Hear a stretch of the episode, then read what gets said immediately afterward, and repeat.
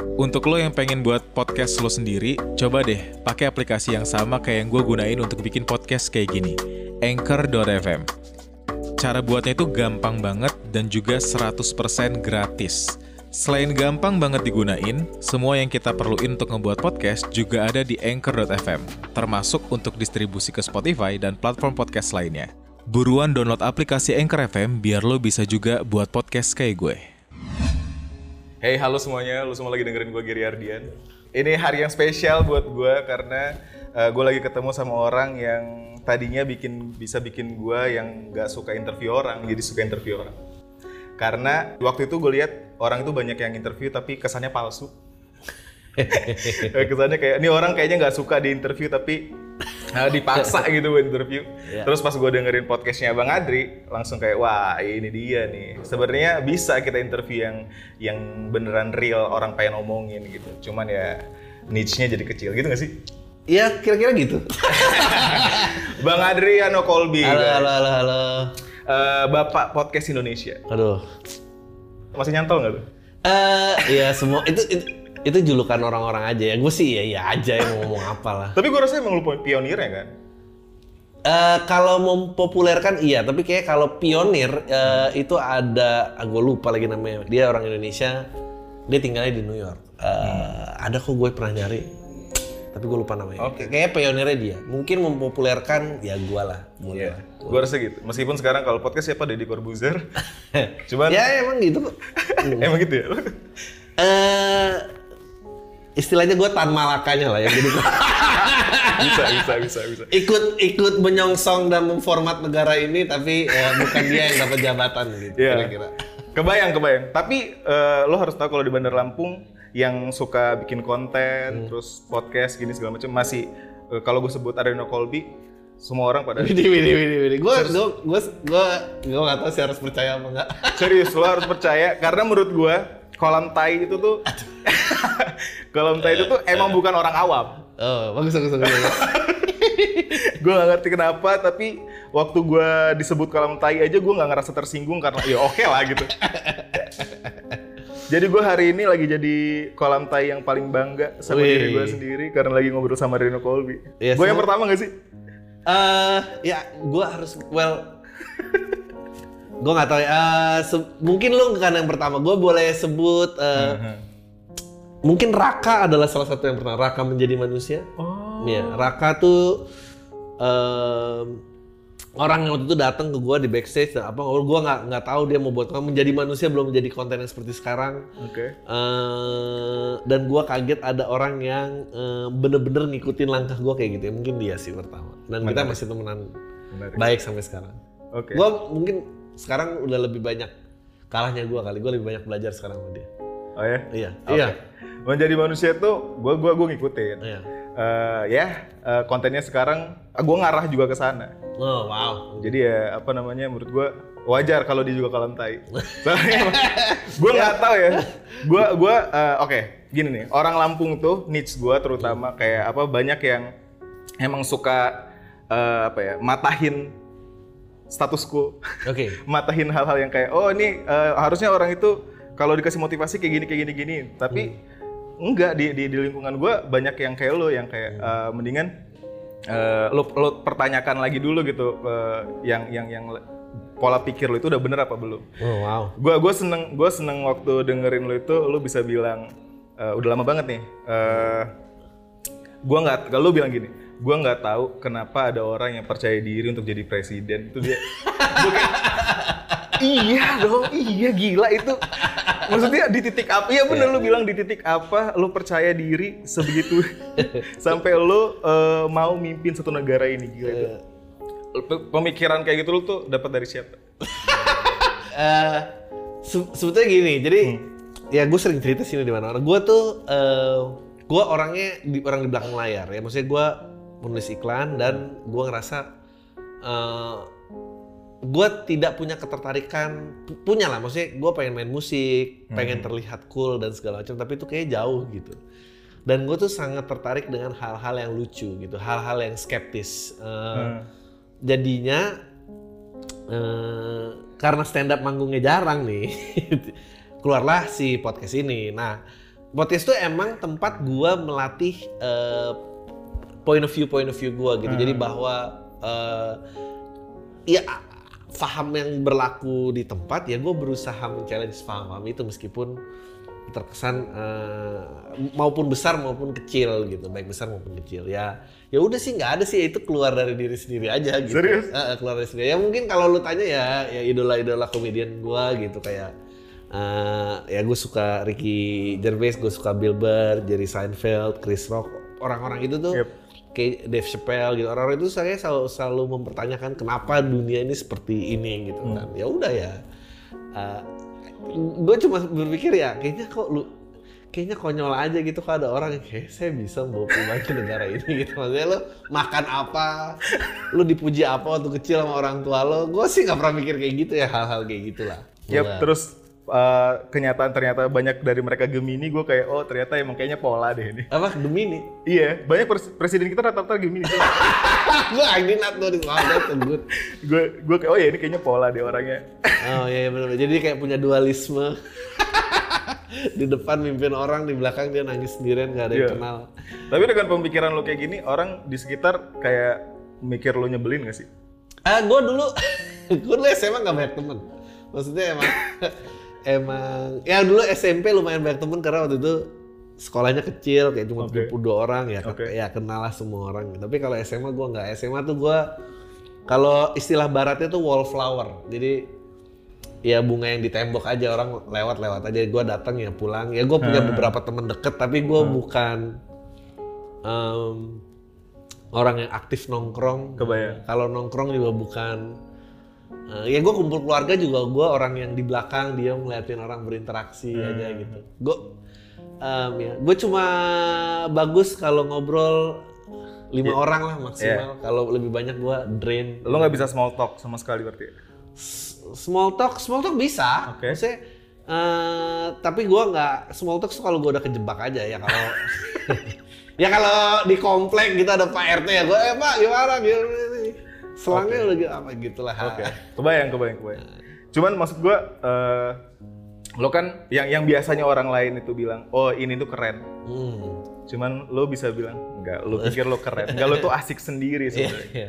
Itu tuh, gue setuju, gue setuju. Tapi menurut lo, kenapa eh, orang-orang orang di Indonesia tuh nggak punya pemikiran kayak gitu juga? Aduh, that's too mean ya kalau orang-orang di Indonesia. Sebenarnya Lo lu- tau gak sih kalau iya. kalau di Indonesia itu rata-rata IQ-nya berapa? Wah. 87. Ya benar juga ya.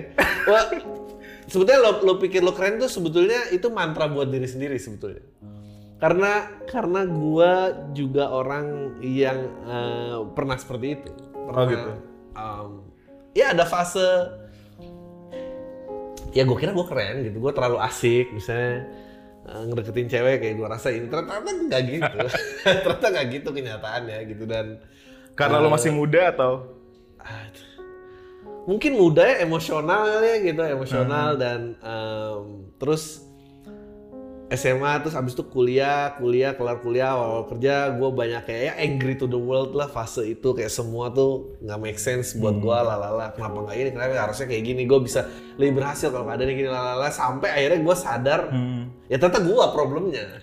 Gitu. Dan itu Oh. pun sadarnya belum lama. Tiga hari yang Sadar lalu belum lah. lama. Maksudnya eh, sadarnya tuh bahkan sampai stand up awal-awal aja tuh gue ngerasa gue nih lebih pinter daripada orang rata-rata gitu. Sampai akhirnya enggak ternyata gue goblok juga gitu. Menarik. jadi mungkin perjalanan mungkin tahun ke tiga keempat mungkin ya baru gue berubah tuh bahwa oh gue ternyata konyol juga gitu tapi kalau gue nggak pernah menyelami diri gue gue nggak pernah ketemu frase itu Iya, menurut gua iya karena lo udah gua gua gua pernah bahas di podcast gua. Apa sebelum kita sampai ke selfless yang mikir nggak mikirin diri kita lagi gitu. Pertama kita self like dulu terus lo jadi selfish, terus lo baru self self love, baru abis lo ngerti kayak oh enggak, ternyata ini dunia bukan buat gua doang gitu. Tapi buat orang lain juga. Oh, wow, lu dalam sekali ya ternyata ya. Ya, generasi resah ini emang dalam-dalam semua. Tapi cuma sampai situ doang kok gua. Tapi Iya. menurut gua eh gua gua tuh pengen bawa itu ke orang-orang. Oke. Karena kalau misalnya gua ditanya, kan gua gua udah lumayan nggak nggak nggak lumayan. Beberapa kali Lu udah nggak harus terus mensortir diri lo, nggak apa-apa, keluarin aja. gue gue hati-hati di depan lo. Ya perlu. Tapi gue beneran eh, kalau misalnya lagi ngomongin apa gitu di diundang di mana gitu, terus gue ditanya inspirasi lo siapa, itu itu paling nggak bisa gue jawab. Karena buat gue orang yang famous tuh jarang keren. Oh, benar. Dan biasanya kalau lo ketemu idola lo, dia biasanya suka mengecewakan. Iya bener. Ya, Semoga gue nggak ngecewain lo hari ini. Jadi Eh, so, so far nggak, so far belum. Gak tau kalau habis ngomong di belakang. Cuman maksud gue, eh, untungnya lo pas berkarya jujur bang.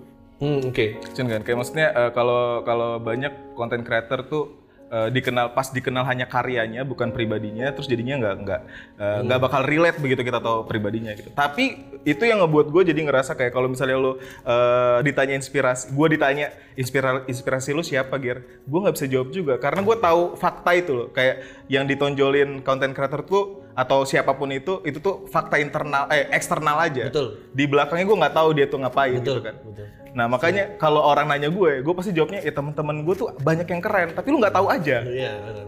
ya kan? Ya, gue sih ya kalau lo tanya tentang jujur ya fase lah karena ya tadi gue copywriter iklan, gue biasa menulis berdasarkan demand permintaan. Jadi eh yaudah sabun ini bagus ya gimana cari gue bikin iklan sabun ini bagus buat semua orang. Ya itu tuh. Eh, nah pada saat gue nyemplung stand up, Hmm. gue berpikir tadinya sempet tuh kayak oh gue stand up, gue pengen atensinya, gue pengen fame-nya, gue pengen karirnya. Sampai di titik di mana kayak ba- banyak obligasi yang harus dilakukan, kayak oh ada materi titipan lah Iya, iya. atau apa. Terus gue mikirnya ya kalau gue di sini nulis berdasarkan Apa ini? kemauan orang lain lagi, ya gue balik ke advertising aja gitu. Iya, Karena eh, gue nggak gitu kepengen juga ternyata di depan gitu. Nah, abis itu, ya abis itu gue bener-bener gue nulis em, paling enggak yang lingkar satu gue tuh bisa merasa bangga gitu atau enggak nggak malu-maluin. Iya. Nah, paling nggak itu dulu. Jadi eh, kalau itunya udah miss, eh, lupain orang yang lapis kedua, lapis ketiga gitu. Oh jadi lu masih mikirin kata orang juga ya? Ring satu lo langsung gaknya? Iya kar- kar- karena kalau dalam stand up, Hmm. ini menurut gua bedanya stand up sama seni yang lain. Oh, Oke. Eh, stand up tuh sangat approval base, sangat approval base. Lu bisa di, di pojok ruangan gonjreng-gonjreng gitar dan itu jadi lagu tanpa dicela orang. Lu bisa ngelukis di pojok ruangan tanpa tanpa atensi orang gitu. Tapi komedi itu gua membutuhkan approval soalnya. Jadi mau nggak mau harus ada yang approve. Hmm. Gua nggak bisa eh, bikin ada nih ini, ini lucu buat gua.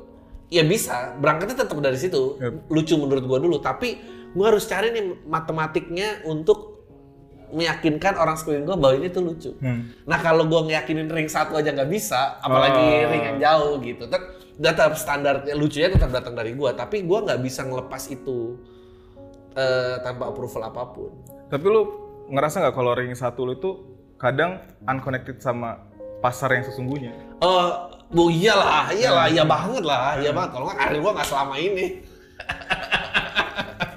Iyalah, itu iya banget. Tapi kan gue juga cuma bisa hanya ini yang gue bisa maksud gue, ngerti? Maksudnya hanya ini yang gue bisa. Gue bukan, misalnya kalau ada orang bilang, oh ya, eh, Adri mah apa sih, namanya mikir atau apa segala macam. Karena emang orangnya orang doyannya mikir gitu atau enggak misalnya sangat Jakarta banget ya. Karena gue lahir di Jakarta gue gue nggak bisa jadi diri lain selain diri gue I wish gue punya gua- I wish gue punya cerita kayak lo. Maksudnya gue besar di Lampung gue berusaha menembus ibu kota kan gue nggak punya cerita itu. So gue harus apa? Masa gue mau karang gue mau bilang belaga miskin? Maksudnya kayak ya dulu apa ini? Gue nggak bisa. Menarik. jadi gue kebentur. Maksudnya mi- misalnya gini dari tahun 80 Hmm. tahun ya dari tahun 70 you name it lah lu mau dari film-film kuno dan segala macam. Hmm. sampai tahun 2020 Hmm. cerita tentang mengadu nasib di ibu kota itu cerita yang paling populer. Masih. Uh, masih paling populer selain cinta ya maksudnya itu populer. Tapi kan gue nggak punya gue gue nggak mungkin bawa cerita itu Menarik. Uh, jadi eh, be- beda sama pengarang lagu dulu gue ingat banget eh, ini, ini, ini Sting sama Jay Z yang ngomong Sting ngomong bahwa apakah semua lagu lu itu personal? Kebanyakan iya, tapi itu tugas gue untuk menjadikannya personal. Terus eh, si Jay-Z ya? Jay-Z juga ngomong gini, eh, di wawancara sama David Letterman di My Next Guest lu cari ya di Netflix. Iya, nonton lagi. ditanya, ditanya, apakah semua rapper eh, hidupnya seautobiografikal Hmm. lirik rapnya? Dia bilang 85% dari mereka bohong. Iya. Jadi gue juga mempelajari bahwa berkesenian itu cara untuk meyakinkan ke penonton atau audiens bahwa yang gue sampaikan ini real buat lo. Yep. Mau menyampaikannya itu datang dari gue yang personal atau gue berubah, berakting, eh, tapi yang penting lo convince gitu. Nah, gue mungkin juga belum nyampe di situ ya. Mungkin mungkin juga terbatas kalau dalam stand up ya kayak gue nggak mungkin bercerita itu. Mu- Tapi filmmaker mungkin bercerita itu. Maksudnya filmmaker bisa penulisnya nggak pernah mengadu nasib di Jakarta, tapi dia bisa menulis tentang itu. Iya. Meskipun dia akan kehilangan beberapa detail, tapi penulis lagu juga bisa kayak gitu. Eh, dan itu teknik yang lain. Ini ini cerita dikit ya. Gua- semoga orangnya nggak keberatan gue sebut. Kunto Aji, waktu dia ngarang lagu, eh, apa tuh sakit. Sakit. Nah, nah, ya itu jadi sakit. Dia di ini malam terakhir gitu kan. Nah, nah, nah. Draft pertama liriknya itu bukan malam terakhir Tapi draft pertama liriknya itu adalah ini gelas terakhir. Ini Menarik. gelas terakhir. Terus ditanya, waktu itu kamu nggak yang nanya, "Oh, ini bagus banget, bilang Desperate. Terus dia nanya, emang lu peminum? Enggak sih, gue nggak peminum. Emang gue membayangkan kalau ada orang di bar ya kebayang. yang sedih, dia akan order in- dan bilang ini adalah gelas terakhir. Nah, gua rasa itu mungkin dilakukan di medium lain, tapi ah tapi gua rasa mungkin stand up juga mungkin, mungkin gua aja kali ya nggak bisa. Ya soalnya gue, gue, lu tuh punya radio kan? iya, pernah. Lu juga sering ngelakuin itu kan? Iya iya iya. Karena gue nggak tahu, gue cuma tahu seruntulan aja gitu. Gue rasa acting juga kayak gitu. Ada orang yang versatile banget kayak lu lihat dia di film ini melihat film lain, anjing ini orang beda banget. Tapi ada orang yang konsisten jadi dirinya dia terus, actingnya cuma segitu doang range-nya. Ah. Tapi menurut lo emang idealnya konten creator kayak lo atau enggak? Enggak gila lu miskin semua. Idealnya kayak gue apa enggak? Maksud gua lo yang yang jujur, yang yang lo yang ngikutin gua dong. Eh, niche gua ya segini aja gua udah puas. Kayak gitu nggak? Yang bilang gue puas tuh siapa? karena karena selama bertahun-tahun lu nggak nggak nggak karena gue tahu lu punya potensinya. Iya nggak sih? Maksudnya masa masa Nggak gini. Ya, gini, kalau lu bilang enggak, Nggak, baru gini. kecewa nih. Ya, gini gini gini. Gini, gini. gue tuh percaya, hmm. gue percaya zaman yang pilih orangnya dan bukan orang yang pilih zamannya. Oh iya? Ya, gue nggak per. eh, dan gue harus mengakui ini eh, ini eh, zamannya. Gue sih merasa zamannya Emily ya. Maksudnya Hmm.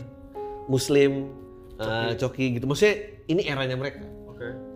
gua hanya kebetulan ada dan terlibat bareng sama mereka. Tapi ini bukan era gua. Era gua mungkin udah lewat, nggak lo? Ah. Era gue yang istilahnya dulu em, misalnya eh, era grunge gitu. Mungkin gua akan lebih cocok dan tradisi tapi kenyataannya enggak. Banyak kok, banyak kok, banyak banget sutradara atau penulis buku Hmm. yang salah era. Jadi jadi dia secara teknik teknik wise dia lebih jago, tapi karena mediumnya berubah, Oke. dia nggak thrive di medium baru. Banyak kok yang yang jadi istilahnya, gue bukan yang mau ngejek, gue nggak mau jadi kayak orang tua yang nggak suka, kayak kerenan angkatan gue, ya kan Tau lo, yang baru lulus SMA selalu ngerasa angkatannya paling keren. Gue nggak mau jadi orang itu. Eh, tapi itu kejadian, jadi kayak em, memaaf, memanfaatkan gue sih harus bilang yang namanya tretan muslim tuh dengan sosial media dia jauh lebih jago. Buat gue, ke, buat gue, gue percaya sesuatu tuh harus datang dari yang privat yang kecil ini, lalu lu kayak nyihir dunia untuk ngadep ke gue. Gue percaya hal itu. Maksudnya gue percaya hal-hal kecil kayak cerita-cerita kayak eh, Cat Stevens bikin lagu tentang eh, hubungan ayah dan anak. Kalau lu tanya yang denger ntar profilnya cuma bapak-bapak dan anak doang dong ya. Enggak, ternyata lagu itu bisa transcend. Maksudnya Eric Clapton bikin lagu tentang anak yang meninggal. Apakah emang cuma orang-orang yang punya anak yang meninggal eh, gravitate ke eh, ke konten itu? Tapi waktu itu eranya bukan sosmed. Jadi orang punya waktu untuk mendengar dan meneliti akhirnya satu dunia tersihir ke hal yang sangat privat itu. Kebayang. Nah sedangkan dunia udah, udah beda sekarang, dunianya udah nggak itu. Lu taruh lagu yang sama, oh, waktu itu siapa yang pernah bikin? Beatles kalau nge-launching lagu sekarang itu nggak ada yang dengerin pasti. Kebayang. Eh, nggak usah, bukan Beatles, sorry. Led Zeppelin. Dulu mediumnya terbatas, lu bikin lagu 8 menit, solo gitarnya 2 menit, orang akan dengerin. dengerin. Sekarang lu bikin 30 detik gak enak, lu out gitu. Iya. Malah Jadi- maka- malah nggak ada yang intro. Betul. Ma- kalau bisa langsung ref, klar gitu maksudnya. I'm not saying orang-orang ya orang-orang aja goblok nggak bisa ada kesabaran ini, tapi kenyataannya nggak bisa. Kalau nggak gue cuma akan jadi grumpy old man.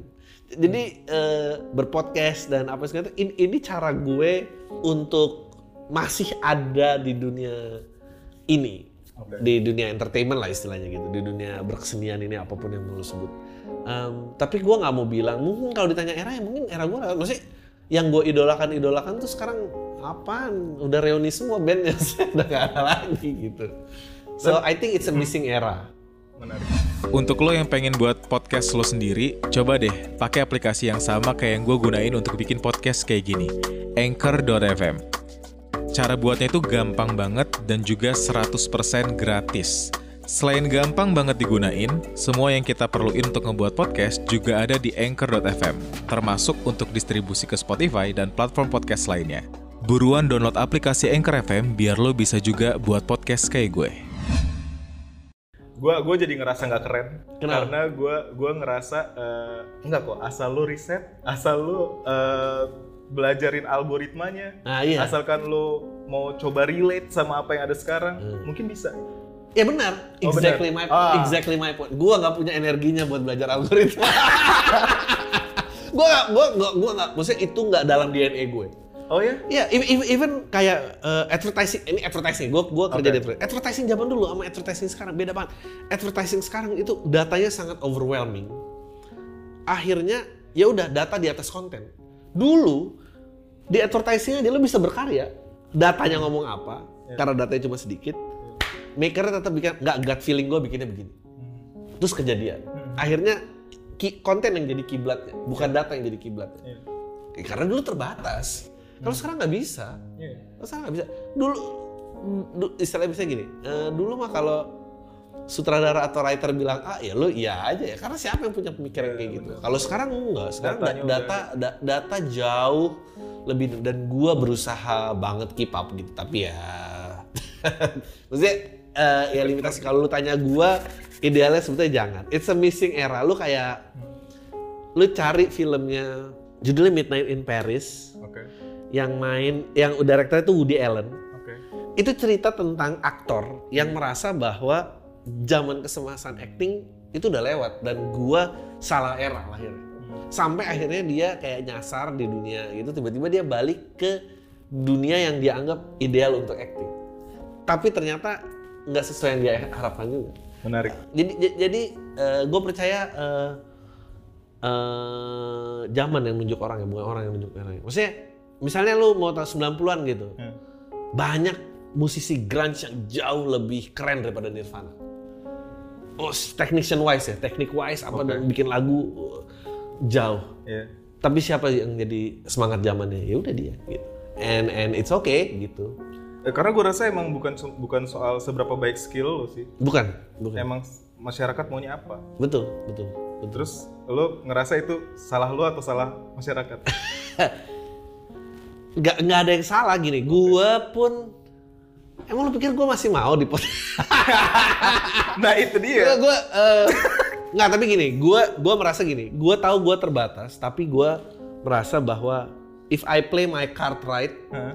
paling enggak nih Hah? paling enggak kalau gue keluar gue nggak malu-maluin Iya. batas gue cuma itu doang Iya. tapi kalau ditanya popularity eh, susah ngejar tapi paling nggak nggak malu-maluin nggak cringe lah lu nggak jadi bawa apa yang kayak eh kenapa lu masih ngomong ini gue nggak nggak kayak gitu Nah itu itu yang menurut gue eh, kalau orang nih nanya gue, eh, Ger lu cari buku di misalnya di Gramet, Hmm. carinya harus gimana? Terus gue bakal bilang, ya kalau nyari buku bagus jangan di Gramet, iya bener ya kan? Maksudnya eh, ada orang, aduh gimana sih gue bilangnya? Iya. Ada orang-orang keren itu yang yang pengennya kayak lo, pengennya ini gue pilihan gue ini, kayak ya tapi gini tapi lu juga harus tahu bahwa Oke, gue oke. berusaha benar eh gua gue pada akhirnya nih Hmm. nggak ada seni yang pengen di- nggak dirayain, nggak ada, Oke. nggak ada. Van Gogh itu baru populer setelah dia mati. Itu kalau dia tahu nyesel pasti, yakin gue. Seumur hidupnya susah, udah potong-potong kuping nggak ada yang lihat. Sekarang lukisannya laku berjuta-juta dan dia nggak pernah bisa nikmatin. Eh, jadi emang selalu eh, tarik ulur antara eh, pembuat dan dan dan penikmatnya. Eh, Nggak ada seni yang nggak mau dirayain. Hmm. Kalau kalau masturbasi aja di ujung kamar, maksudnya gue percaya sebegitu. Jadi misalnya gini, kalau ditanya, Dri lu mau nggak take over eh misalnya size-nya Deddy Corbuzier? Mau gue kalau ditanya. Oke. Mau. Permasalahannya caranya lewat apa? Gitu aja. Lewat cara gue mungkin nggak? Kalau lewat cara gue mungkin ya udah nggak usah deh. Nggak mungkin sih kalau pakai. Ya udah. Gini, gua tapi kalau lu tanya, Dri lu pengen nggak lebih besar dari pengen? Pengen. Gua pengen sampai 60 gua masih bisa tour stand up dan dan dan masih bisa bikin spesial dan ada orang-orang yang datang. Oke. Gitu. Tapi kalau gue harus istilahnya menghalal istilahnya menghalalkan segala cara demi ada di sana, gua nggak yakin sanggup itu satu kedua ntar udah dilakuin tentunya nggak ada juga lagi jadi kan lu nggak nggak mau lu dan lu cuma berusaha eh, bisa bis, bisa berjalan ini dengan zaman sejauh apa aja gitu sih Oke. Heeh. Eh, Menurut lo sekarang masa kejayaan lo udah lo capai? sampai bel- semoga belum ya tapi kok kenapa ada keraguan? Maksud gue, lo pernah ngerasa "Eh, kayaknya udah tapi apa belum? Gimana maksud gue? gue kemarin kita Zaman udah pernah berpihak ke lo belum? Tangan paling anjing. Gue udah pernah berpihak nggak? Sebetulnya kalau ditanya zaman berpihak ke gue sebetulnya lagi berpihak-pihaknya. Jadi tapi gini, Oke, oke. ini individu ya. Ini gue punya dualisme ini soalnya susah. Gue bukan gue bukan 100% creator Oke. atau seniman atau apa pun yang mau gimana pun juga gua tuh 75% wirausaha 25% gua eh, entertainer Oke. kalau ditanya zaman berpihak ke gua ya pihak banget 75% gua pegang kan gua ada di MLI gitu. Oke. Eh, tapi gua sebagai forefront dan gua sebagai talent nih Hmm. ya itu belum kecapaian lah maksudnya ini masih kecil banget kecil kecil sekecil kecilnya Wow. Maksudnya gue belum ada yang nawarin gue bikin film. Iya nggak ada, nggak ada. Bikin film nggak ada, nulis nggak ada, bintangin film nggak ada, bintangin film. Ya belum. Kalau gue sebagai talent. Tapi kalau gue sebagai person nih holistik gitu, yang 75-20 tadi, ditanya zaman paling berpihak, ya berpihak banget lah. Gila, Oke. gue gue tuh nggak pernah mimpi bikin kantor yang bener-bener jadi suara kebanyakan orang yang nggak pernah diwakilin sebelumnya. Gue bangga banget.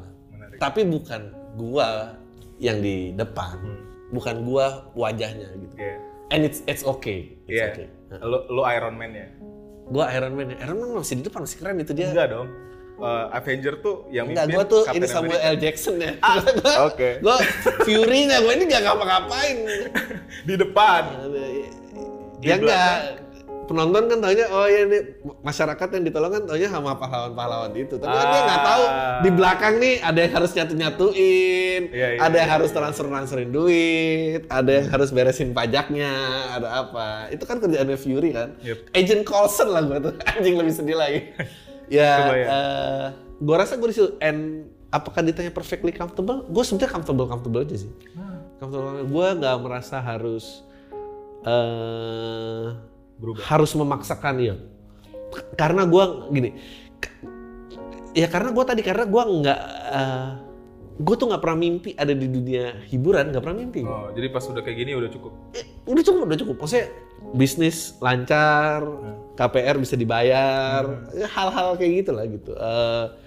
Da- dan gue masih bisa konstan berkarya gitu di hadapan orang-orang yang bener-bener suka gitu. Gue pindah ke TikTok aja udah mulai dihinain orang. Maksud gue kayak gue gimana nge-handle-nya gitu. Eh, Jadi memang per- jadi emang kalau lu tanya ya udah lewat eranya karena gue masuk stand up gue udah umurnya 28. Kalau gue coba nge-push ini waktu itu ajang pencarian bakat semua orang ikut dari umur berapa 21 atau apa atau bener-bener mengadu nasib mungkin ceritanya akan berbeda. Kebayang. itu akan berbeda banget. Jadi tapi lo masih pengen nggak? Segini pertanyaannya. Menurut lo eh, hidup lo nih nantinya harus ngeraih nomor satu apa enggak sih? Enggak. Enggak ya. Eh, gue merasa hidup gue yang penting participate aja. Beneran, gue ngerasa yang paling penting hidup participate. Gue nggak mau kayak Daripada mati konyol ya.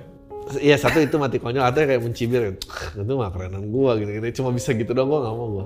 Oh, malah nggak mau lo ya? Nggak mau. Oh. Gua maunya partisipasi lah, gua pengen tahu. eh, nah ini yang gua kadang-kadang sedih kayak setelah melihat, eh anjing industri hiburan tuh serem ya maksudnya.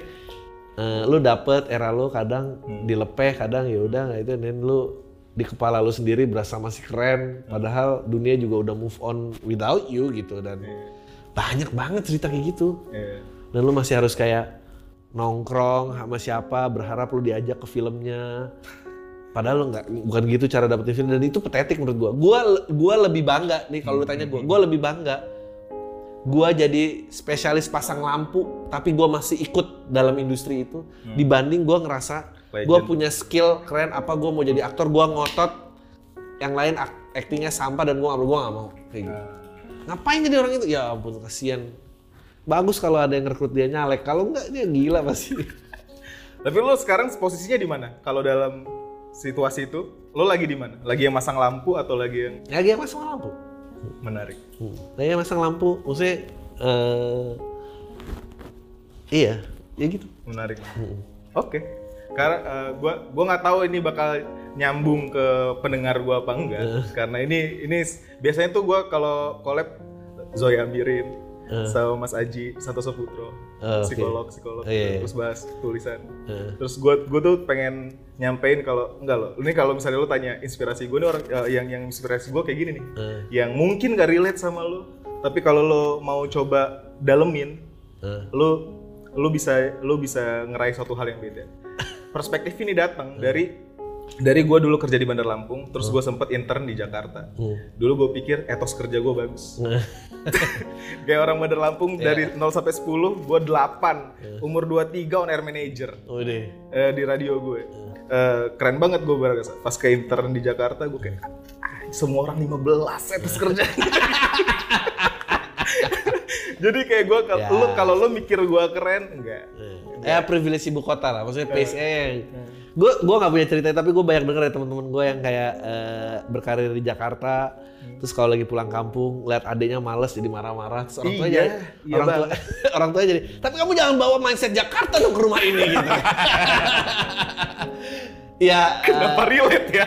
ya ya itu itu ya memang ya lu lu jangan ini sih memang Bokap gue ngomongnya gini. Jangan samain badan kamu sama badan adik kamu. Oh, ya. Beda. Dia bilang, oh iya iya. Tapi itu itu itu itu pentingnya kenapa lo eh, keluar dari kepompong lo sih maksudnya. Iya, benar. Itu cuma jadi kata gelantong burung memang. Iya bener. Dunia tuh luas banget dan lo harus main dan lo em, ya. Kalau gue sih merasa sangat nyaman menjadi orang yang paling bodoh dalam ruangan. Eh, jadi eh gue pokoknya kalau udah paling pintar dalam tongkrongan gue tak gue harus ganti tongkrongan. Nah, ini udah gak ada manfaatnya nih berarti buat gue. ya, gue sama makanya gue sama mengedepankan untuk ganti temen. Em, dan yang membuat gue ada di sini adalah itu sih, gitu. Karena gue nggak pernah ngerasa, oh ya gue gue selalu pengen tanya itu gimana cara kerjanya ini apa dan segala macam. gue dulu benci banget SMA nabi benci banget sama nama akuntansi. Sekarang kalau ditanya apa yang paling gue butuhkan dalam hidup gue, akuntansi men. Bener-bener kayak anjing goblok banget gue gitu. gitu.